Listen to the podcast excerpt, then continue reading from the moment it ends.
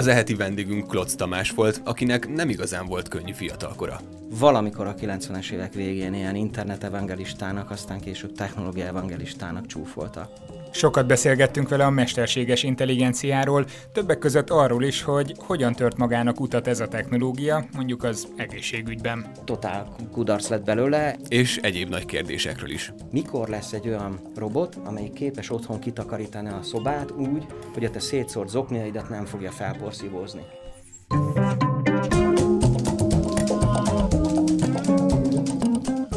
Sziasztok, én Habci vagyok. Én pedig Robi Laci. Eltelt egy újabb hét, és már is itt vagyunk még egyszer. Egy nagyon izgalmas téma lesz a mai adásban, de mielőtt erre rátérünk... De előtte valami sokkal komolyabb, sokkal vérlázítóbb ö, témával kell foglalkozzunk. Szörny, valami borzasztó szörny apokaliptikus történt. helyzet. Szó szerint apokaliptikus a világ történelem, sőt a föld történet legvéresebb, bár vérről nem egészen beszélhetünk, de a legbrutálisabb tömeggyilkosság. Tömeggyilkosságáról van szó. Ugye igen. ti most, hogy hallgatjátok ezt az adást, bizonyára észre sem veszitek, hogy milyen jól éltek, egyszerűen csak beszívjátok a levegőt, kifújjátok, ilyen percenként 15-16-szor, teljesen magától értetődő ez az egész. Áldjuk ezért mondjuk a kék baktériumokat, amelyek őket. annak idején rengeteg oxigént termeltek, és bocsátották ki ezt a légkörbe.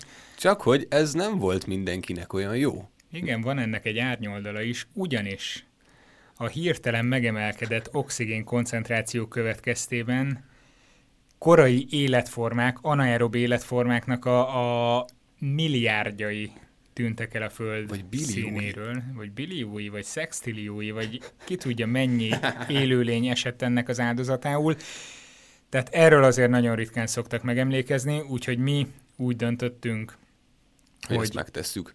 Augusztus 16-án megtörjük ezt a csendet. Ez lesz az oxigén napja, ugye 8. hó 16, 8, 16, aki nem érti, nézze meg a periódusos rendszert.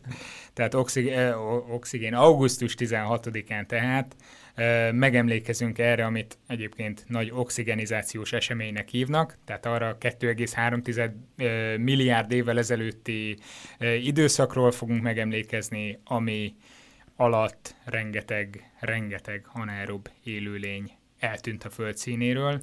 Úgyhogy ezentúl minden lélegzetvételnél gondoljatok arra, hogy ez bizony rengeteg élőlény életébe került. Így van. Úgyhogy Úgy, adjunk hálát a Adjunk hálát a cianobaktériumoknak? Hát igen, kb. nekik szerintem. Adjunk hálát nekik azért, hogy itt lehetünk, de azért tudjuk, hogy minden éremnek két, két oldala van. Úgyhogy csatlakozzatok az eseményhez, amit Facebookon közé is tettünk, a nagy oxigenizációs esemény eseményhez, és 30 másodpercre tartsuk vissza együtt a lélegzetünket. Hogy Augusztus 16-án. Megemlékezzünk róluk. Így van, augusztus 16.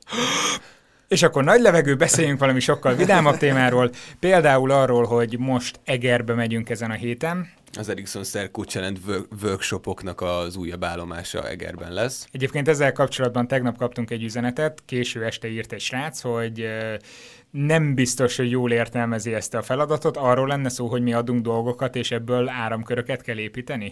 Igen, erről is Igen, van szó. erről is van szó, meg arról is, hogyha nevezni szeretnétek az Ericsson Circle Challenge-re, ami egy nagy műszaki innovációs vagy probléma megoldó uh, verseny lesz, kis kreatív verseny, akkor ott nyugodtan tudtok velünk konzultálni, hogy milyen irányba induljatok el, minek lenne a legjobb esély a nyerésre, és erre mondta a srác, hogy ja, akkor nagyon jó, mert hogy neki van egy konkrét ötlete, amit ő szeretne leprogramozni, uh-huh. hogyan lehetne biztonságosabbá tenni mondjuk a táskáját a lopások ellen. Úgyhogy amikor olvastam a leírását, így teljesen hanyat vágtam magam, hogy hát ezzel feltétlenül, feltétlenül nevez, egyébként találkozunk Egerben.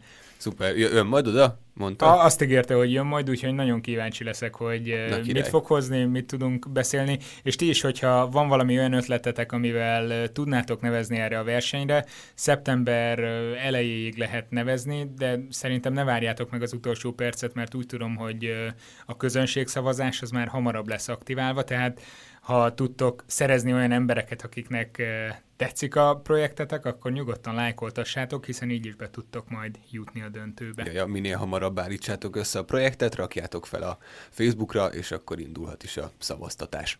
És ha már ilyen ajánlókról esett szó, a legutóbbi felmérésünkben, amivel még mindig arós vagyok, hogy Laci, pedig az adatokat. Ígérted. Nem, azt ígértem, hogy vasárnap lezárom. Ennek megfelelően ja, hétfőn le is zártam.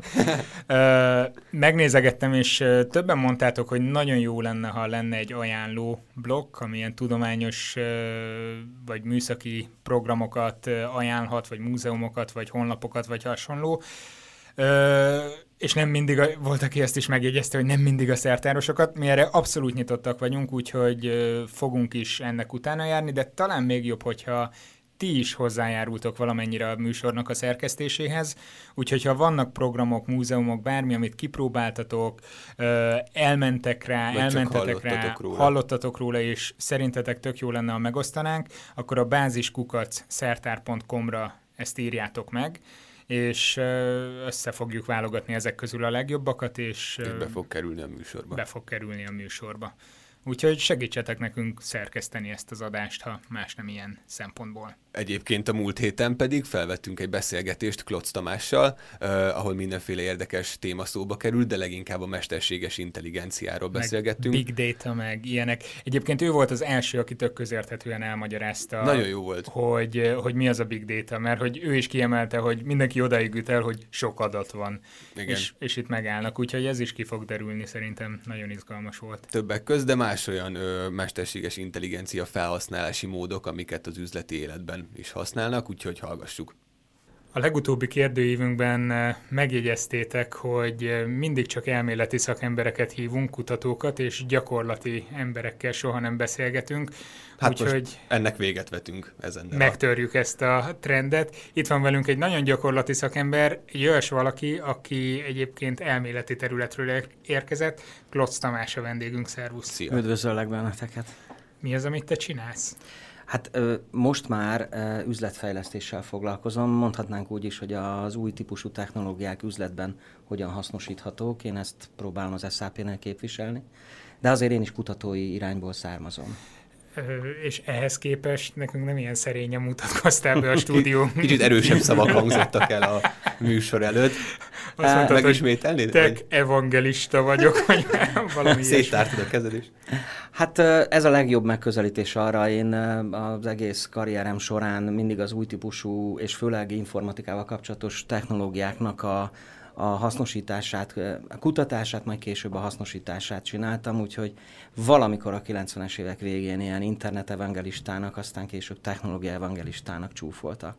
Hát a 90-es évek végén én emlékszem, akkor találkoztam először az internettel, szerintem 95-96 körül, amikor Úgy, még nagyon pici voltam. A suliban már, már volt egy gép, amin lehetett internetet használni, és úgy emlékszem, hogy egy e-mail fiókot be tudtunk állítani, nem tudtuk, hogy hogy kell kilépni belőle, ez egy nagy probléma volt. Ilyen emlékeim vannak, te azért kicsit más szemmel nézted akkoriban. Hát én igyekeztem gyakorlati, hogy mondjam, résztvevője lenni annak, hogy az internet az hogyan terjed, hogyan alakul. Részben elszenvedője, részben pedig ráhatója voltam. Elszenvedője, te is ilyen negatív leszel most? Hogy... Ja, nem, nem. minden, ne, minden vendégünkkel oda, oda lyukadunk ki, hogy jön majd itt a nagy technológiai fejlődés, aztán mind meghalunk. Tehát. hát azért nem, nem. Én, én hiszek a technológia pozitív hatásaiban, hogy azt jól, ki le, jól lehet alkalmazni. De hát nyilván voltak gyerekbetegségek, tehát azért én még az, a 95-ös klasszikus publikus internet előtt már használtam hálózatokat, és ahhoz képest óriási előrelépés volt a webfelület mondjuk. Tehát, Ja, nyilván. De nem csak uh, ilyen típusú hálózatokkal foglalkoztál, ugye? Mert a, nem. a PhD dolgozatod valami hasonló. hasonló Igen, hát ugye a, a hálózatosodás azt nem, kétségtelen nem lehet elvenni Barabási úrtól, ez az ő, ő találmánya, a tudománya, de a hálózatosodás az, az korábban is megvolt. Én mesterséges intelligencia kutatással kezdtem foglalkozni, amikor a pályámat kezdtem, és azon belül a neurális hálózatokkal, ami ugye Aha az, az onnan jön, hogy az agy az a neuronok hálózataként felépülő valami, és a mesterséges intelligencia egyik megközelítése az az, hogy, hogy hogyan lehet szimulálni szoftverben, hardverben neurális hálózatokat, és azok mennyire tudnak hasonlóan működni. Ö, Ugyan erről már volt szó neurális hálózatokról egy korábbi adásban, Szalai Ferivel beszélgettünk róla, így most így fejből így nem tudom, hogy mégben. Nem feltételezem, hogy lenne olyan hallgató, aki ne hallgatta volna végig az összes adásunkat, de egy picit felfrissítenéd, hogy mik azok a neurális hálózatok, hogy kell ezt elképzelni a gyakorlatban? Hát az emberek általában, amikor kutatnak, az tipikusan azt próbálják, ami a valós életben megtapasztalható, lemodellezni. A számítástechnika fejlődésével lehetőség volt arra, hogy, hogy azt mondja, ugye a mesterséges intelligencia az azt mondta, hogy kétféle ága van neki. Az egyik ága azt mondja, hogy nem érdekel, hogy hogy működik mondjuk az emberi agy, de ha egy gép ugyanazt az eredményt produkálja, amit mondjuk egy ember produkálna, akkor mesterségesen intelligens valamit teremtettem. Most ennek, hogy belülről hogy nézzen ki, ennek az egyik fajta megközelítés az az, hogy próbáljunk meg szimulálni neuronokat, vagy neuronokból fölépülő hálózatokat, amelyek aztán hát ha hasonlóan kezdenek viselkedni, mint hogy az emberi agy is viselkedik. Ugye ennek van a pszichológiai típusú biológiai kutatása, ahol nagyon precízen próbálják a neuronokat modellezni, és van az a fajta, amit a neurális hálózatok nak hívnak, mint egyfajta résztudománynak, ahol igazából magának a neuronnak a nagyon apró működés az nem izgat minket, de az, hogy ők a hálózatokba szervezve mit produkálnak, például mutatunk nekik képeket, és akkor az meg tudja különböztetni mondjuk az asztalt a kutyától, ami azért látszólag egyszerű dolognak tűnik, de ez mégsem annyira. Igen, nekünk. Ez, ezek például már, és, és különböző fajtái vannak a neurális hálózatoknak. Rám merjek kérdezni arra, hogyha, hogy lehet létrehozni új mesterséges intelligenciát, hogy nem egy ilyen agyszerű dolgot próbálunk leszimulálni, vagy lemodellezni. Milyen, milyen fajta lehet még? A, hát a másik, a másik például, tehát két nagy ág van még. Az egyik nagy ág az, amit például a hárombetűs legrégebb óta létező multinacionális számítástechnikai cég nagyon jól csinál. Értettük. Kék, kék, kék, igen, kék színük van. Ő, ők tipikusan a, a mély statisztikai analízissel csinálják. Hát már ők, ők már a 80-as években próbáltak például beszédfelismerést úgy ö, szimulálni, hogy a beszéd jelét nem akarták megérteni, hogy ez milyen szöveg, csak egyszerűen egy óriási statisztika, egy óriási adatbázisból hasonlítgatták. Hát ehhez azért gépkapacitás kell, hogy elég jól tud hasonlítgatni. Egyébként például a, a Google Search az nagyon sokat hasznosít ebből a statisztikai jellegű mint a felismerés mhm. összehasonlításból. Bocs, mit is mondtál, hogy az IBM, illetve az a nagy cég mikor is, mikor is kezdett ebbe? Hát... Be? Most akkor el fogom árulni egy kicsit, hogy én már nem mai gyerek vagyok, de én a 70-es évek elején jártam általános iskolába, és általános iskolásként orosz nyelvű beszédfelismeréssel próbál, eh, próbálkozt, eh, vagy találkoztam olyan géppel, akik, ami ezt csinált. Az Urál egyes lehetett? Az vagy Urál ez még nem hiszem, hogy ilyet tudod. nem, nem, ez, emlékszem, emlékszem rá a múzeumból. Igen, igen. Tehát ez, ez nem, ma, nem ma indult ez a, ez, a, ez a fajta megközelítés. De akkor hogy lehet, az lehet, hogy én voltam ennyire ignoráns, vagy nem törődöm, vagy, vagy nem foglalkoztam a dolgokkal, de nekem egy picit úgy tűnik, mintha ez az utóbbi években jönne elő, hogy mesterséges intelligencia itt is, ott is, amott is, tehát... E, ennek az igazi mozgatórugója az az, hogy egyrészt a számítástechnikai eszközök, informatikai eszközök árérték aránya most nagyon üzletesen fogalmazva, de elég olcsón tudsz megvenni olyan képességű eszközöket, amikkel már elég komplex mesterséges intelligencia jellegű dolgokat tudsz csinálni, amelyek elég gyorsan ki tudnak téged szolgálni. Tehát mondjuk, mit tudom én, egy, egy híres gyártó mobiltelefonjában a beszédfelismerő, ami utána parancsokat végrehajt, uh-huh.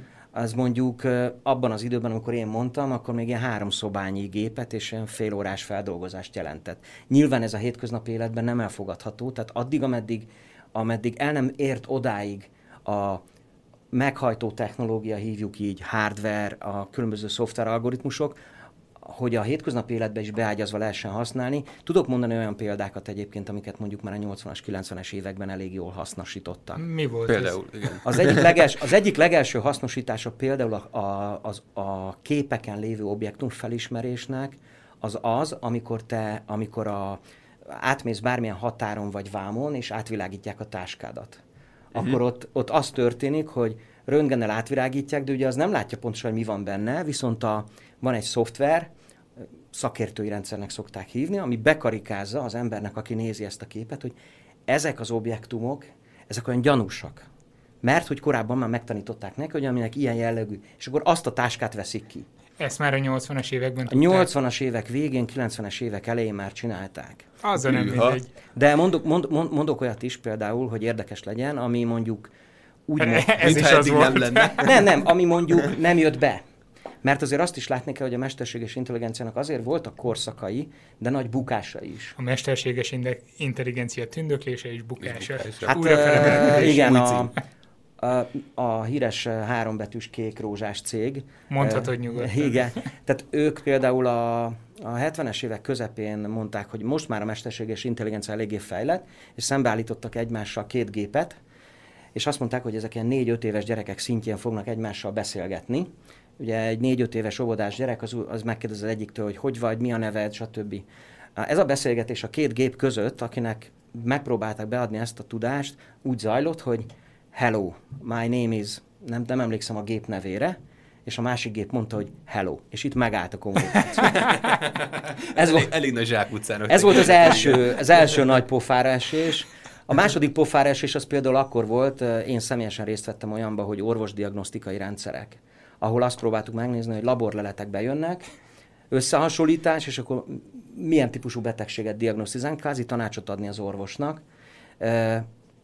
Totál kudarc lett belőle. Egyrészt azért, mert 10-ből 7 orvos ugyanarra a leletmennyiségre 8 féle különböző diagnózist állít fel. Másrészt azért, mert maguk a rendszerek sem voltak még elég És e- erre volt egy program, ami megnézte, hogy különböző laboreredmény Magyarországon- szintjeit, és akkor összehasonlítgatta. Magyarországon ezt el kell, hogy mondjam, hogy a Számítástechnikai Kutatóintézetben Szeredi Péter vezetésével volt egy csapat, aki nagyon híresen csinált ezt Aha. a 80-as években, 90-es évek elején. Aztán utána volt egy kis lelassulás, és egyébként a úgynevezett adatfeldolgozással, amikor előjött az úgynevezett üzleti intelligencia, vagy kicsit az adatfeldolgozás, akkor kezdte mondjuk a harmadik reneszánszát érni, élni a 90-es évek végén, 2000-es évek elején az AI, mert az adatfeldolgozásban a mesterséges intelligenciának a klasszifikáció, kategorizáció, típusú része, az ott nagyon hasznos és kell. De igazából azok a hétköznapi felhasználások, amikkel ma találkozunk, és egy vállalat életében fontosak, meg úgy az átlagember életében fontosak, tehát mondjuk az, hogy a Siri tudod használni szövegfelismerésre, egy mobiltelefonban az, az mondjuk így 2005 előtt esély nem lett volna rá. Uh-huh. Egy jó kis vapos telefonnal kipróbál. Mit mond a Siri? Úgyhogy, és ma már egyre több helyen találják meg azt a lehetőséget, ahol mondjuk egy vállalatban ilyesmire tudják, tehát tudják használni az AI-t. Van olyan terület egyáltalán, ahol ahol nem használnak Ahol nincs, mesterséges. Tényleg intelligenciát, most már, bennem lehet, is hogy ez ez a, meg, ez a kérdés. Uh, inkább azt mondanám, hogy vannak olyan területek a mesterséges intelligenciában is, amelyek még mindig kutatási fázisban vannak. Ugye, ha belegondolsz, a mesterséges intelligencia semmi más nem csinál, mint a természetes intelligencia. Kvázi minden, amit ember meg tud csinálni, azt tudod-e bármilyen típusú eszközzel szimulálni. Azért például a robotoknál mondjuk a, az olyan robot, aki bármilyen, bármilyen terepen el tud menni, kommunikálni tud, és egyébként még valamilyen tevékenységet is tud végezni, azért még, még nincs. Nekem volt egy beszélgetésem a 90-es évek elején az egyik legnagyobb ilyen AI kutatóval. Én akkor voltam fiatal kutató, és azt kérdezte meg tőlünk, hogy szerintünk mikor lesz a hétköznapi életben AI. Ez egyébként 91. Ö, Kelet-európai, amerikai és nyugat-európai fiatal PhD-sek ültünk ott. A legkorábbi dátum, amit ott kutatóként a fiatalok mondtak, az 2000 volt. Most 2016-ot írunk, mert egyébként a kérdés úgy hangzott, hogy mikor lesz egy olyan robot, amelyik képes otthon kitakarítani a szobát úgy, hogy a te szétszórt zokniaidat nem fogja felporszívózni. Ú, de utálnám azt a robotot, ami Ami fölporszívózza. fölporszívózza. Bár tudjuk, hogy nekem intelligens szemetes kukámmal, ezt Igen, már megbeszéltük néhány adással ezelőtt. Igen. Egy nanozacskó van felakasztva a kincsre, tehát De szóval rengeteg területen lehet. Most szerintem a, a vállalati alkalmazásai az AI-nak, részben azért, mert a vállalatok szembesülnek olyan kihívásokkal, amit másképp nem is biztos, hogy meg tudnának oldani. Ezek előtérbe kerültek, és talán ezért beszélünk róla egy kicsit többet. És ugyanakkor meg mindenki dolgozik, vagy többnyire dolgozik valahol, az emberek többnyire dolgoznak valahol, és akkor ők maguk is belekerülnek. De, de valószínűleg nem ez az, amivel a hétköznapi ember általában találkozik mesterséges intelligencia szímén, tehát azért az újságokban főleg ilyenek jönnek, hogy végre a mesterséges intelligencia Go-ban megverte a legjobb játékos, vagy sakban, vagy valami. Tehát ezek csak mérőszámok, amelyek jelzik, hogy hol tart a technológia. Ez azért van, hogy valamit el lehessen adni a népnek, mert még mindig egyszerűbb, mint azt mondani, hogy egy vállalati rendszer így meg így működik, vagy, vagy ezek tényleg akkor a nagy számok, amiket így el lehetett érni most? Uh, Szerintem óriási át, átütő erő például az, hogy a beszédfelismeréssel vezérelt mobiltelefonok amelyek persze mondjuk beszéddel irányított autó, vagy a, ugye most elég nagy hype van a, a géppel, géppel vezér, vagy vezetett autó környékén, és inkább jogi jellegű hype mint sem technikai, technológiai. Ezek nem mondják azt, de ezek mind-mind-mind mesterséges intelligencia beágyazott alkalmazásai. De mondjuk egy triviális példát, fölmész egy weboldalra, és az földob neked valami, market, valami reklámot, azért ma már a jobb weboldalak olyan reklámot dobnak fel, hogyha férfi vagy, akkor nem melltartó reklámot fogsz kapni, hanem mondjuk inkább autó, vagy valami hasonló. Kivéve Bálint nap környékén, mert akkor majd dobálja fel. Az hogy... igen. Na, a, látod, ez még egy fejlesztendő terület, valószínűleg. Szóljatok, ha van felvétel, mert megyek ilyen ötleteket adni. De nem, ez például szerintem elég jó, hogy ez, ezt a dátumot belekeverje. De ott például annyi történik, hogy a te, a te és a hozzád hasonló a korábbi webes mozgása alapján profilozás történik, és annak megfelelően dobálódnak fel reklámok. Részben a reklámozónak is jobb, hiszen nagyobb a találati arány. Ezt hívhatjuk úgy, hogy ez egy webes, personalizált marketing. Uh-huh. Emögött igazából a legtöbb esetben valamilyen vagy neurális hálós, vagy pedig klasszifikációs uh, AI engine van. Észre se veszed? Hát nem venném észre a klasszifikációs AI engine az, az biztos. Nem is érdekes, nem is érdekes. Az az érdekes, hogy amit kapsz végeredmény, az, az a gyakorlati alkalmazása Aha. ennek. De a, ha, ha egy kicsit igaz, hogy mondjam, tehát ha mondhatok olyat, ami a, a nagyvállalatoknál kihívás, mert ők az elég sok pénzt, szóval az IBM se azért költ a Watsonra, vagy a Google a Deep, deep Learningre. Tudjanak gózni egyet, vagy ne, ne, nem ez a célja.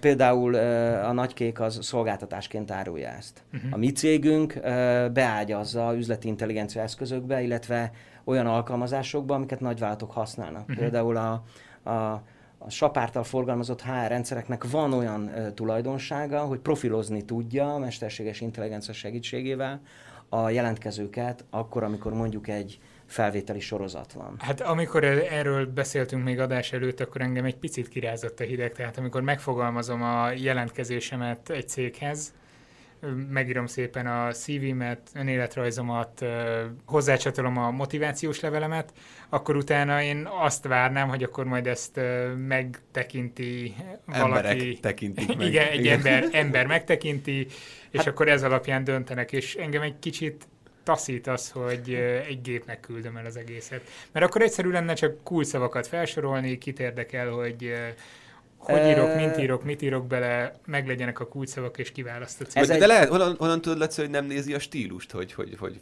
fogalmaztad? Na, ez a következő, igen. A, a, profilo, a profilozás az ugye azt is jelenti, hogy nem csak kulcsszavakra keres rá, mert akkor még nincs igazi AI benne, hanem kulcsszó kombinációkra, hangulatelemekre, levelekbe, stb. Hát Komolyan vannak ez... hangulatszavak, amikről alapján azt tudja mondani, hogy most izé... Hellóka. de igazából, hogy mondjam, persze rosszul hangzik, de ez egy előszűrés. Uh-huh. Tehát olyan mennyiségben jelent, ugye ma már sokkal mozgékonyabb a munkaerőpiac, és olyan sokan jelentkeznek egy-egy állásra, és e, e, hogy mondjam, ez egy nagyon monoton típusú munka. Ezért mondjuk, hogyha egy ilyen AI, AI HRS előszűrőn átengedődik, akkor nagyobb valószínűséggel és jobb találati arányjal az adott cégnek megfelelő, az adott munkakörben elvárt Ugye egy cégnek van vállalati kultúrája, ahhoz most illeszkedsz, nem illeszkedsz. Persze pszichológusok elmondják, hogy ez biztosan nem tudja megállapítani csak ő, amikor behív, de azért, azért egy a motivációs... Röhög a sarokban, hogy te csak hiszed. Hát egy motivációs levélnek például a hangulatvételéből, a szószerkezeteiből elég sok ilyet meg lehet állapítani, és még egyszer, a gép ugye nem magától csinálja, hanem az a tudásbázis, ami nálunk általában az agyban van a tapasztalat kapcsán, azt a tudásbázist ő ugyanúgy felépíti. Igen, ezt akartam kérdezni, hogy hogy tanítjátok meg őket. Tehát én nem, nem hiszem, vagy nem tudom, gondolom nem úgy történik, hogy leül a egyébként HR kiválasztási folyamatokban részt résztvevő pszichológus, meg nem tudom, más szakember, és elkezdik beírni, hogy akkor, ha ez a szókapcsolat van, akkor ezt keres, nem. hanem betápláljátok azokat az adatokat, amik eddig átmentek, és akkor ebből a gép megtanulja, hogy ti mire mentek. Pontosan. Vagy... Hát ez, ez megint ugyanonnan jön, hogy a mi a tanulási mechanizmus, kétféle tanulási mechanizmus van. A tipikus az az, amikor az úgynevezett tanárral való tanulás, most egy picit visszamentünk ilyen kutatóba, uh-huh. de az azt jelenti, hogy olyan bemeneti mintákat adunk, amikhez tudjuk, hogy milyen kimeneti mintát várunk el.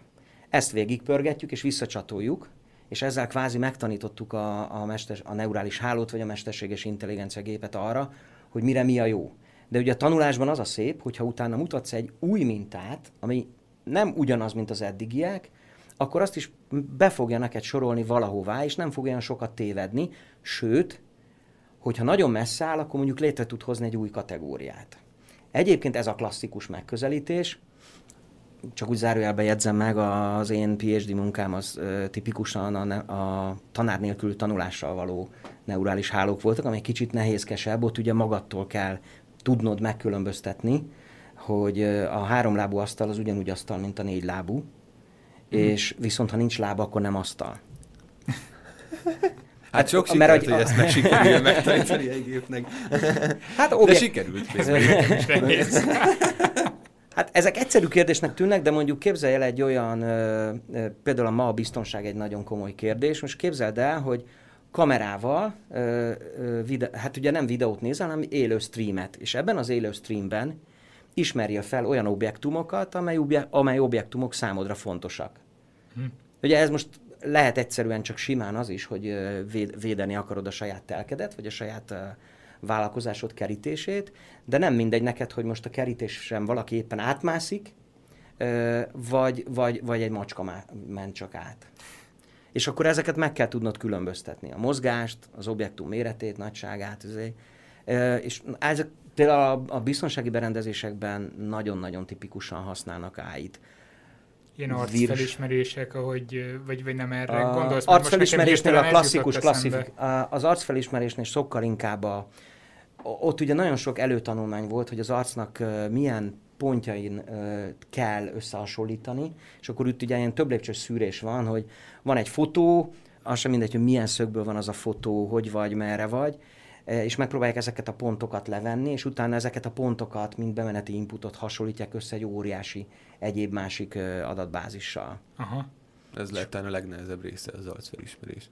Hát főleg, hogyha vigyorogsz vagy. Nem? Valami azt csinálsz, ami teljesen más. Füligérő szája török be. Igen, ha rosszban sántikátok, mindig mosolyogjatok közben.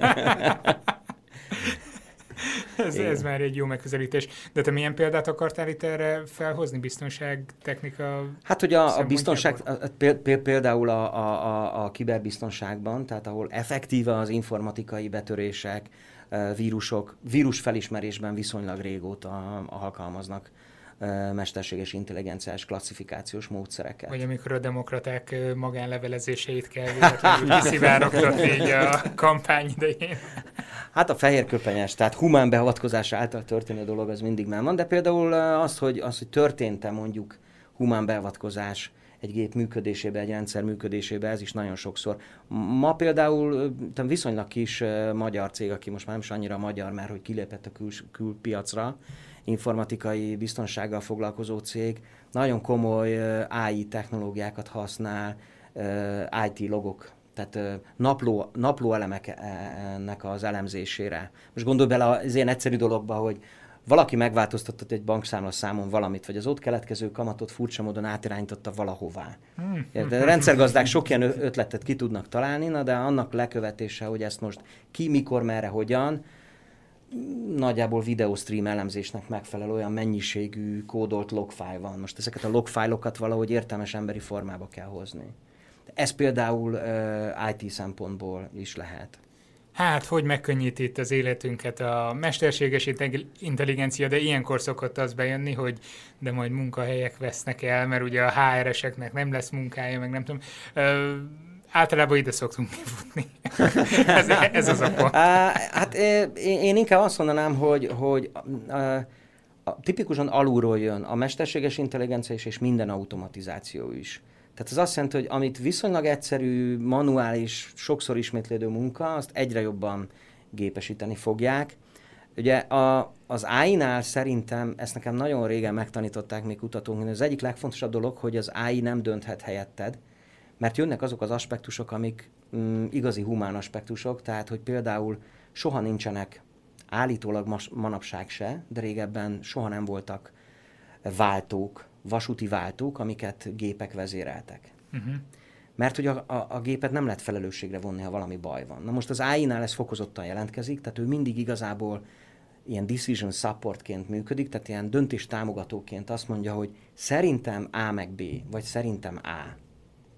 Kérdés, hogy meddig marad ez így, és akkor egyszer csak eldönti, hogy á, már pedig ez á Igen, és, és pont ez fogalmazódik meg a fejemben, hogy lehet, hogy ő nem fog soha nekem dönteni, de ez mostanában egy nagyon-nagyon éles vita, hogy mondjuk a Facebook vagy a Google hogyan szűri azokat a találatokat, amiket te megkapsz. Tehát rendben van, hogy te döntesz, de ha előtte azt egy Hát ez a... megszűri, hogy te mi alapján fogsz tudni dönteni, hogy most megjelenik-e a hírfolyamodban a nem tudom milyen uh, hír vagy sem, azon azért nagyon sok e, múlik. De az ugye, ugye azt ne felejtsük el, ez inkább befolyásolás. Aha. Tehát, hogy abban a, avval az esettel állunk szemben, hogy van ott egy mesterséges intelligencia beépítve, aki nekünk, aki úgy gondolja, hogy mi nem tudom én, inkább zöldek vagyunk, mint kékek, és inkább a zöld típusú információkat juttat, juttatja felénk. Aha. De nekünk azért tudnunk kell azt, hogy, hogy tehát tisztában kell lennünk, hogy ez történik. Uh-huh. És ebből ki tudunk lépni. Tehát, hogyha nem tipikus viselkedést produkálunk, akkor, akkor rákényszeríted a mesterséges intelligencia engine-t a háttérben, hogy a, tanulja meg a te profilodba azt is. Ki kell kapcsolni, adblockot kell rakni a böngészőre, és akkor Az nem, nem elég. Most láttam pont, hogy nem tudom, vagy a Facebook, vagy a Google 50 valahány ilyen jellemzőt vizsgál minden egyes mozdulatodnál, hogy hol vagy, milyen oldalt néztél előtte, Úristen. meg ilyeneket vizsgál, úgyhogy ennek ellenére szerintem az a kulcs, amit te mondtál, hogy ezzel legyünk tisztában, hogy ilyen van, és ez szerint próbáljuk. De ez semmivel nem másabb, mint a klasszikus humán élet, ha belegondolsz. Tehát, hogyha te az információkat nem a Facebookon, meg a Google-on keresztül, vagy más ilyen elektronikus csatornán keresztül kapott, hanem most 200 évvel ezelőtt a nénik bácsik ott a fonó előtt beszélték, hát akkor is szűrve kaptad, mert a nénik bácsik szűrésen keresztül. Úgynevezett plegyka formájában.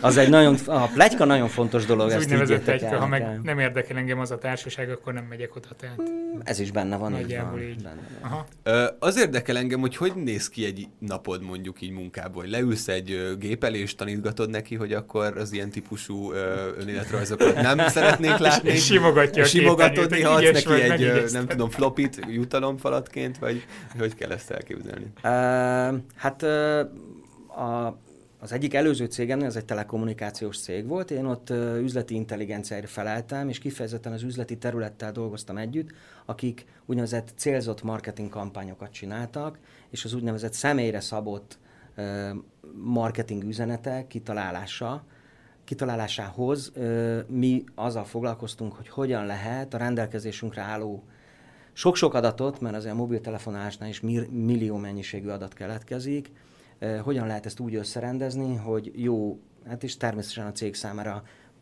profittal bíró ajánlatokkal tudjuk megtámadni az ügyfeleket. Tehát ott például tipikusan az volt, hogy hogy megpróbáltuk az adatokat jobbról-balról masszírozni, ráereszteni különböző mesterséges intelligencia algoritmusokat, amik jól működtek, azt utána fogtuk és hogy mondjam, üzembe állítottuk, és akkor néhány hónapig, tipikusan 6-9 hónapig elég jól tudtak működni, viszont 6-9 hónap után az üzletfelek vagy ügyfelek mm, elkezdtek másképp viselkedni. Mert ők is látták, hogy tehát ez amikor amikor a nagyi mindig Párizsit ad, akkor egy idő után beszólsz neki, hogy most már jó lenne szalámi is. Na körülbelül ez a változás átmegy, tehát ezek a fajta algoritmizálások, ez egyébként ilyen, ilyen big data jellegű dolog volt technikai értelemben. Az mit jelent a big data? Hát a big data az ugye szó szerint azt jelenti, hogy nagy adatmennyiség, de ebben mindenki, itt mindenki megáll. Valójában a big data az attól big data, hogy nem csak nagy adatmennyiség, hanem azért lesz nagy adatmennyiség, mert olyan típusú adatok, amiket korábban nem rögzítettünk, uh-huh általában struktúrálatlan adatok, tehát nem csak számok vagy szövegrészletek, hanem videódarabok, képdarabok, ezek egymásra hatása és a többi, illetve e, gyorsan változó adatok, stream, uh-huh. stream típusú adat. Uh-huh. És ezeknek az együttes, egy időben való elemzése az egy nagyon nagy kihívás. Attól lesz ilyen sok, mert korábban nem rögzítette. Tehát mondjuk telkóba tudok ilyen példákat, hogy korábban azt, hogy az egyik torony átadott a másik toronynak egy mobiltelefon, az nem ment be a központba, mert a központot nem érdekelte. Viszont ez egy fontos adat akkor, amikor azt akarod megtudni, hogy valaki betelefonál az ügyfélszolgálatra, és azt mondja, hogy nekem állandóan megszakad ennél és ennél a lejáratnál a telefonon, miért is van ez. Uh-huh. És akkor tudni kell, hogy... Igen, most ha ezt egy big datás elemzésen egy adattárházzal hátulról betolják, akkor, akkor azt tudja mondani az ügyfélszolgálatos, hogy nagyon sajnáljuk, két frutit kap ajándékba, és három hónapon belül majd megpróbáljuk megjavítani. Mert nem biztos, hogy azért az egy emberért érdemes oda plusz egy tornyot telepíteni, érted? De ha azt neki két frutit, akkor ő úgymond elégedettebb lesz. Aha, Tehát aha. ezek ilyen furcsa kettős hatások, Például ez egy ilyen AI is big datás jellegű megközelítés. Hát meg akkor biztos azt is rögzíti, hogy merre halad szépen, és akkor már arra tudja optimalizálni neked, neked szent hirdetés. Természetesen erre is fel lehet használni, de ez mindig a negatív felhasználási módja. De... Én egyébként ezt nem feltétlenül negatívnak értékelem, vagy nem tudom, tehát amikor a tartózkodási helyem alapján kapok néha szolgáltatás ajánlatot, az ja, nekem a, igen. Hát az volt, is. igen, ja, ebből a szempontból nagyon pozitív, amit mondasz, de most, hát, most nem a rossz fiúkra gondoltam. ja, azt hittem, hogy ilyen... Kiderítik, hogy merre vagyok, és addig betörnek. Hogy... Ez, ez nagyon érdekes. Ugye a mostani munkahelyemen én sokkal inkább ö, olyan ügyfelekkel beszélgetek, akiknek ö, üzleti kihívásaik vannak, és akkor nekik például ö, az SAP által gyártott technológiákból, ami AI-t tartalmaz, kitalálni, hogy mi lenne nekik jó arra, hogy azt az üzleti problémájukat me- megoldja, vagy segítsen őket előrébb vinni. Tart már ott ez a dolog el, hogy mondjuk védekezni kelljen olyan hackerek ellen mondjuk, akik ezt a mesterséges intelligenciát megpróbálják meg buherálni egy kicsit. Legyen szó akár arról, hogy az én szívimet ö, válogassa be a top 100-ba mondjuk, mielőtt megnézi az ügyvezető igazgató. Vagy hogy hova teszed a kérdőszót. Vagy az E, ez biztos, hogy mindenki most bekommentál. Igen, bocsánat. Igen. Na mindegy, ö, szóval igen, fel lehet erre készülni, vagy van ilyen, hogy megtámadják a céget, ilyen, ilyen, ilyen arcok, vagy bármiféle ö, más? Hát igazából ugye, hogy mondjam, tehát mondjuk a HRS vonalon, tehát amikor ilyen belső kiválasztás, amit meséltem példa, szerintem ott még, ott még nincsen ilyen, hogy akkor megpróbálják meghekkelni. Előbb-utóbb el fog jönni ez az állapot, bár ez sokkal összetettebb, hogy azért ma, ha, ma azért elég egy komoly iparág van arra a Search Engine Optimization, hogy mondjuk a Google-ba hogy tudsz előre kerülni. Uh-huh. Pedig a Google se feltétlenül kommunikálta mindig mindenkor, hogy, hogy hogy működnek a belső algoritmusai. Egy idő után majd ezeken a területeken is lesz ilyen, hogy, hogy, hogy majd, majd, majd leírják neked, hogy te figyelj, így, ha ilyen típusú állásra akarsz jelentkezni, stb., akkor így fogalmazd meg. Igen, nagyjából erre gondoltam. Mert, mert tudjuk, hogy náluk egy, egy SAP Big Data Engine működik a háttérben, ami Aha. majd ezt fogja csinálni. De még egyszer mondom, ezek a, a mesterséges intelligenciának az egyik fontosság az az, hogy áll, ő maga is fejlődik és változik, és adaptálódni próbál a környezethez. A tanulás maga az egy ilyen folyamat. Uh-huh. E, úgyhogy de azért még nem tart ennyire elől. Viszont ahol nagyon lényegesen számolni kell vele, az, amit mondtam nektek, hogy a security cégek azok mind nagyon-nagyon erősen elkezdték alkalmazni védekezési szempontból. Uh-huh. Tehát, hogy egy bizonyos hacker típusú támadást, behatolás, az, az most megtörtént-e valójában, vagy nem? Minél hamarabb meg tudjuk a, nem biztos, hogy meg tudjuk akadályozni, de a behatolást minél hamarabb észrevesszük, különböző jellemzők alapján, uh-huh. és azért itt nagyon komplex rendszerek vannak, amiknek a jellemzőit figyelni kell, akkor az azt jelenti, hogy minél hamarabb tudunk beavatkozni. És ott nagyon komolyan elkezdték alkalmazni. Hát azért a, hmm, mondjuk úgy, hogy minden nemzet biztonsági hivatala elég erősen alkalmazza ezeket az eszközöket. Hoppá. Most erről az jutott az eszembe, hogy néhány hónapja még a felvételi papírok beadása környékén csináltunk egy adást Szalai Ferivel, ő egy fizikus srác, uh-huh. aki mhm. rendszeresen jár vissza hozzánk, és annak az adásnak valami ilyesmi volt a címe, hogy pénzügyet tanulsz, biztos, hogy fizikus lesz a főnököd. Ugyanis ő akkor hívta fel arra a figyelmünket, meg mindenki figyelmét arra, hogyha valaki tényleg jó jól prosperáló állást szeretne, akkor mindenképpen ilyen nagy adathalmazok elemzésével kezdjen foglalkozni, mert hogy ez valószínűleg arra nagy szükség lesz, és igen. ezt te most alátámasztottad, tehát ha valaki a motivációs levelében majd ezt írja le, amit az én, hát, amit a mesterséges típusú, intelligencia igen. előszűr, akkor... Ha ilyen típusú, de nagyon sok ilyen típusú munkakör van, ezt Két, dolog, két szempontból is a Szalai Felével egyet tudok érteni. Egyrészt a fizikus és matematikus oktatás az egy nagyon absztrakt gondolkodásra tanít. Az oktatás maga. Uh-huh. Ezért egy kísérleti fizikus sokkal könnyebben átáll arra, hogy adatelemzéssel, ami szintén absztrakt gondolkodást igényel, rá tudjon állni. Ezért van nagyon sok fizikus pálya elhagyó, mert egy kicsit jobban lehet keresni most ezekkel a Igen, típusú szakmákkal. Keresni, ezt is. Egyébként meg ugye... Eddig az életértelmét és a világ mindenség igazságait keresték, most, most pénzt. hát a CERN-ben nem mindenki tud bejutni, érted, kvantumfizikát modellezni, de a Morgan Stanley-nél például, bocsánat, ott nagyon-nagyon sokan elemeznek fizikusok óriási Aha. adatmennyiségeket. Úgy is hívják ezt, hogy data science. Tehát ez egy, ez egy külön ilyen rész tudományként kezd most fejlődni. Sőt, ennek a data science-nek most már kezdenek ilyen alágai is lenni, hogy például nem mindegy, hogy az adathalmaz, ami ott van, bármennyi is absztrahálod, az mondjuk egészségügyi adathalmaz, valamilyen, nem tudom, számítástechnikai rendszer adathalmaz, pénzügyi adathalmaz, mert ugye több lépcsőben, több szintben eleme, történik az elemzés, és akkor, amikor big data elemzést csinálsz, akkor nem mindegy, hogy most egy telkós adathalmazon csinálod azt, mert akkor azért tudnod kell, hogy hogy működik az a telkó cég, és ott, mm. ott mire, mire kíváncsiak, vagy mondjuk egy, egy, egy tőzsdei jellemző cégnél, vagyis ott a tőzsde viselkedésére próbálsz valamit mutatni. Kérdezte az egyik hallgatónk néhány adással ezelőtt, ezt meg is beszéltük Ferivel részletesen, de akkor téged, mint gyakorlati szakembert kérdezlek, hogy eh, szerinted lesz technológiai szingularitás? Illetve mikor érhetjük el, ha igen? Hát mm, én, én nem feltétlenül hiszek benne, hogy a közeljövőben lesz. Ugyanis szerintem ez egy ilyen folyamatosan változó folyamat, tehát amit, ugye a, a szingularitás alatt azt értjük, amikor a gépek át, úgymond át, átveszik az uralmat, és ők, ők kezdenek minket befolyásolni. Szerintem rengeteg olyan kutatási téma van még ma, amit nem tudunk gépekkel szimulálni, és, és a, a, a human nature az túl tud lépni ezen egyre jobban és jobban fogunk olyan irányba haladni, hogy hát ahogy mondtam, hogy akkor nem majd, mondjuk Amerikában nem a mexikói hölgyet fogják használni háztakarításra, hanem a megfelelő robotokat, és, és az, ok, az oknimat tényleg nem fogja felporszívózni, de azért, de azért Nem mondjuk... kell széthagyni egyébként. hát ez a másik, fe... de hát ki, kinek nem. De, de ugyanakkor szerintem, tehát egy kicsit abba az irányba fog haladni, és ilyen, ez picit ilyen utopisztikusan hangzik, hogy, hogy több időnk marad olyasmit csinálni, amit a gépek még nem tudnak megcsinálni. Uh-huh. Uh-huh.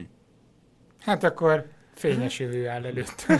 Végre egy olyan végszó, amikor nem sírom el magam a stúdióban. Nézd, e, e, ugye nagyon utopisztikus, de e, igazi alkotó művészt gépben még nem láttál. Versírás. Hát, most ezzel Vagy? lehet, hogy egy picit vitatkozunk, mert Estilla hozta azt a kvízt, ahol néznünk kellett az alkotásokat, hogy melyiket csinált a robot. Valóban, igaz. És, és nem ember, el és nagyon nehezen igen. találtuk nehezen el, hogy melyik volt a... tenni, igen. És Jó. mondta, hogy, hogy simán most már le lehet azt modellezni, hogy akkor ilyen bizonytalan ecsetkezelés legyen benne, vagy nem tudom, ceruza használat, tehát ezt lehet mímelni. Oké, okay, akkor visszaléptem.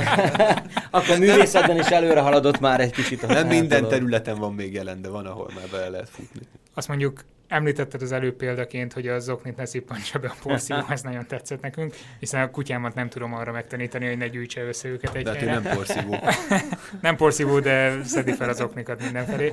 Uh, Viszont ezen segíthet az szerinted, hogyha majd nem csak a porszívunk lesz intelligens, hanem mondjuk az okniainkban is ott vannak a szenzorok, és megtalálják egymást, és kapcsolódnak az internetre, és megmondják, hogy mikor túl büdös a lábunk, vagy valamit. Tehát ez, ez azért még ez, nagyobb Ez nagyon releváns, amit mondasz különben, mert ugye beszéltünk itt az előbb big data meg ilyenekről, a, a legnagyobb adatmennyiséget a szenzorok generálják ugye ők automatikusan tudják generálni ezeket az adatokat, ez egy nagyon nagy mennyiség. Eddig, eddig is voltak szenzorok, csak nagyon, mi, mitől más az IoT, Internet of Things, mint mondjuk 30 évvel ezelőtt egy jó reg villamosmérnököt megkérdeztek, az azt fogja mondani, hogy most mi ebben az újdonság? Hát akkor is voltak mérőeszközök, szenzorok, üzé, kaptuk az. Igen ám, csak drágák voltak ezek a szenzorok, egyedileg lehetett felszerelni, és ugye az internet az egy protokoll. Uh-huh. Tehát, hogy szabványosan lehet. Bármelyik szenzort, bármi máshoz hozzá tudsz uh, rakni, és akkor innentől kezdve már jó. Na, és ami miatt érdekes, amit te mondtál, hogy az IoT nem csak önmagában érdekes, hogy mondjuk ruhákba szenzorok lesznek. És a ér... dolgok internete egyébként így ja, is bocsánat, lehet vele találkozni. Magyarul igen. csak ha valaki esetleg hozzánk hasonlóan jár. E, és nem csak abból a szempontból érdekes, hogy mondjuk viselsz egy ruhát, amiben van szenzor, ami méri majd ezt, azt, azt rajtad, és akkor utána ezt köz, egy valamilyen felhőben, interneten, utána vissza tudod olvasni, mobiltelefonodra leadja, és egy csomó ilyen sportalkalmazás már, már létezik. Egyébként például a, a sapnak van egy olyan ilyen típusú sportalkalmazása, ami a német válogatottat segítette a világbajnokságon a, a győzelemhez. Minden egyes játékosnak. A braziloknak nem volt ilyen, ugye? Egyébként nem. Tehát, mi el tudjuk mondani, hogy tehát a, válog, a német válogatott is megerősítette, hogy ők úgy érzik, hogy mind a felkészülésben, mind a játék során az, hogy használtak IoT technológiát, magyarul irdatlan mennyiségű adatot szedtek össze játékosokról, hogy mozog, mikor mozog, merre. Utána ezt ilyen videó streamelem. De, de ezt hogy kell értelmezni, hogy, hogy a, a cipőjükben, a ruhájukban, valami... mindenhol. Aha. Cipőjükben, a ruhájukban mindenhol szenzorok voltak. A videó stream, fölülről videózták őket, edzés közben is, és ott is minden mozdulatot, ott jön be az, hogy objektum felismerés. Igen. Aha. Ezeket nézték, a passzokat, tehát nem az van, mint Magyarországon, hogy alkalmaznak egy egyetemistát a meccsen, és akkor nyomogatja a gombot, hogy most az passzolt A-nak, B-nek, ha véletlenül mellé ütött, akkor nem az a statisztika jött ki, hanem itt kőkeményen a labda A-tól B-ig ment, összeütköztek, ki lett, stb. Majd utána ezt csapatszinten, és itt jön be az AI, megnézték más csapatoknak a videófelvételeit, azt videóról elemezték, és megnézték, hogy azzal szemben milyen játékot érdemes produkálni. Ilyen stratégiai összehasonlításképpen. Hát eddig nem tartottam nagyra a focit, most ez változott. Következő azért. világbajnokságon majd nézzük, hogy, és hogy mennyire szűrődnek be ezek igen, a profi játékok. De azért ugye felmerült egy picit az is, hogy, hogy vannak azért korlátok, és még nem tartunk a végén. Például a kézilabdában sokkal nehezebb ezt megcsinálni. Kisebb a labda, és a kezükbe fogják, olyan helyeken van a labda, hát meg kisebb a játéktér is gondolom, meg gyorsabb, gyorsabb az által sokkal nehezebb. Tehát kézilabdára próbáltuk. Jégkorongot meg se próbáljuk. egyelőre, egyelőre sajnos nincs. Na, de ami, ami vállalati szempontból izgalmas, és ezt te mondtad el, mert azt Én? A, igen, igen, mert azt a szót használtad, ugye nem tudom, hogy hallottátok-e már ezt az Industry 4.0. Hát nem. Ez most, ez most. Biztos, ez azt jelenti, ne, ne, te mondtad ki a bűvszót, ami a lényeg ja. benne, hogy ez azt jelenti, hogy a vállalatoknak, a termelő vállalatoknak is ez az, a dolgok internete megváltoztatja a működését. Pontosan hogyan is, amikor minden automatizálva van, tehát jönnek a gépsorok, legyártják az alkatrészeket. Képzeld el, hogy úgy, amit te mondtál. Az előbb szó szerint azt mondtad, hogy a zoknimba épített szenzor fogja megmutatni a porszívónak, hogy én zokni vagyok, és engem ne vegyél. Képzeld el azt a gyártósort, amikor nem úgy kezdődik a gyártás, hogy egy komplett gyártólapot, elektronikusan persze, de, de megmutatnak a gyártósornak, hogy na most a következő autó, ami jön, az egy ö, szürketetős, nem tudom én, bőrüléses, ilyen motoros, olyan, stb. ilyet kell gyártani, hanem fordítva. Jön egy alkatrész, és ő azt mondja, hogy Na én egy olyan autónak az alkatrésze vagyok, ami. Ah. Aha. És ez egy egészen más megközelítésű gondolkodás, és itt minden alkatrészben lesznek IoT szenzorok, és innentől kezdve sokkal rugalmasabb gyártás. Tehát nem az lesz, hogy három hétig egyfajtát gyártunk, utána átállunk, hanem gyakorlatilag olyat gyártunk, amilyet akarunk. Jó, és ez innentől... ez nem fogja megdobni mondjuk a gyártási költséget? Pont, hogy le, fogják, pont, hogy le fog csökkenni a gyártási költsége miatt. Mind, személyre, be... szabott, személyre szabott dolgot fogsz kapni, de olcsóbban. Hm. Olcsó szenzorokat raknak bele akkor ezek szerint abba a hengerfejbe mondjuk. Abszolút. Hát a szenzorok nagyon olcsó. Egyébként lassan el ez a, ez a nagyon olcsó, ez mit jelent csak, hogy, hogy meg hát tudjuk fogni a, a korábbi forintok, fillérek, néhány tízezer, vagy, vagy mi az, ami... Százalék, százalékban. Tehát az, ami korábban mondjuk száz, száz egységnyi volt, azok szerintem ezekkel az Industry 4.0-ás megközelítésekkel 5-10-15-20 százalékokat tudnak elérni. Hm. Nyilván gyártósor függvénye, stb. Hát nézd, ezért egy, egy személyre szabott Ferrari árában 10 százalék azért az már jelent valamit. Az biztos. De... Még így se tudnánk megvenni. IoT jellegű felhasználás, de ilyen tök hétköznapi, hogy nekünk sajnos olyan kutyánk van, ami állandóan meglóg. Az nem egy okos kutya. És, Hát okos, mert ő tudja, miért akar kilógni a kertből. E, és ugye az egy olyan kellemetlen dolog, amikor kapsz egy telefonhívást, hogy akkor nem tudom, itt látták a kutyádat, és akkor vidd, vidd haza, vagy valami. Úgyhogy ehelyett e, egy sima, egyszerű 6-7 ezer forintos szenzort egy SMS kártyával összekötve, a, és az adatokat föltolva egy, egy internetes egyszerű kis alkalmazásba, amit utána mobiltelefonon e, letol a, a nevelt lányomnál Tehát nem az én enyémre, de nála. És ő pontosan nyomon tudja követni, hogy akkor most a kutya még a kertben rohangál csak, vagy már Vagy már a kilógott. szomszédnál van. De jó. Hát ennek van egy régebbi változata, ami már nem annyira kutyabarát, Lánc. a lánc. De például a, a, csak a klasszikus IoT-ra visszatérve, ö, szerintem, és ez megint a jövő, ö, nagyon közeljövő. Tehát az, hogy ne legyenek pénztárgépek, hanem csak áttold a kosaradat, és minden termékben van egy pici szenzor, Uh-huh.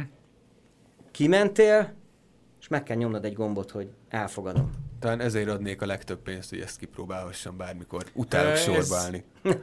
Ilyen, mintha valahol már olvastam volna, hogy, hogy ilyen tesztüzemek vannak Mhm. ilyenre. Pilotban Nem ezek már elkezdődtek.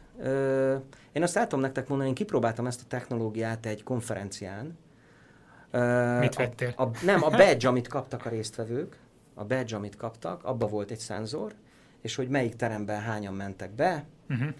hányan hallgatják azt az előadást, nem, a hostess lányoknak lehet más dolga, nem pedig ennek a nézelődése, meg lehúzogatni, hogy merre, hogy. Plusz pontos statisztikát A- kapsz, hogy hányan voltak a... Így Ha van. igazak a előadás. plegykák, mondom ez pletyka, tehát nem tudjuk, de állítólag a BM-én volt ilyen rendszer, hogy az előadásoknál le kellett húzni amikor bementél, meg amikor kimentél a, a uh-huh. diákigazolványodat, vagy valamilyen kártyát, hogy ellenőrizzék, hogy tényleg helyett. ott voltál a jelenléti ív helyett, de megint csak állítólag azért kapcsolták ki ezt a dolgot, mert hogy olyan lassú volt az áteresztése, hogy emiatt megakasztotta az embereket, úgyhogy most nem működik, de majd ha BM-én is figyelnek arra, hogy ilyen kis IoT szenzorokat alkalmazzanak minden diáknál a bőre alá ültetve, akkor Hát igen, nem feltétlenül kell a bőröd alá, de mondjuk a karórádba, vagy a diákigazolványodba is csak át kell menni. Tehát egyébként ezek, nem is tudom, egy négy évvel ezelőtt csináltam ezt a konferenciás kísérletet. A legizgalmasabb része az az volt, hogy mikor ki akart nyereményt, hogy ha kitöltötték kérdőívet, nyereményt tudták kapni. Ha nem volt ebben az előadásnak, akkor nem voltunk kíváncsiak a véleményedre. Tehát csak azért ne töltsd már ki, hogy nyereményt kapjál, és hülyeségekkel traktálj minket. De ezek ilyen apró ez finomságok. jó, így tényleg. Ezek apró finomságok, amik, amik, amiket a technológiai elemek meg tudnak támogatni. Hát ezen túl így menj előadásra, Laci. Meg vagy figyelve ott is. Így, így. Köszönjük szépen, hogy itt Én voltál. köszönöm még egyszer. Köszi. Ennyi fért a mai adásba. A következő rész tartalmából. Kareszt egyébként ismeritek? Lézerszkennerrel és fényképezőgéppel felszerelt jármű végigjárta Budapest több ezer kilométernyi közúthálózatát. Az is kiderül, hogy mennyire okos város Budapest. Azt mondom, hogy innen szép nyerni Budapest. Ja, értem, értem. Jövő héten Sík András lesz a vendégünk, akivel távérzékelésről, térinformatikáról és a Marsról fogunk beszélgetni. Tartsatok velünk akkor is. És iratkozzatok fel a podcast adásainkra Soundcloudon, iTunes-on vagy azon az alkalmazáson, amelyeket podcastekre használjátok. De iratkozzatok fel a YouTube csatornánkra, Facebookon és az Instagramunkra is. Sziasztok! Hello!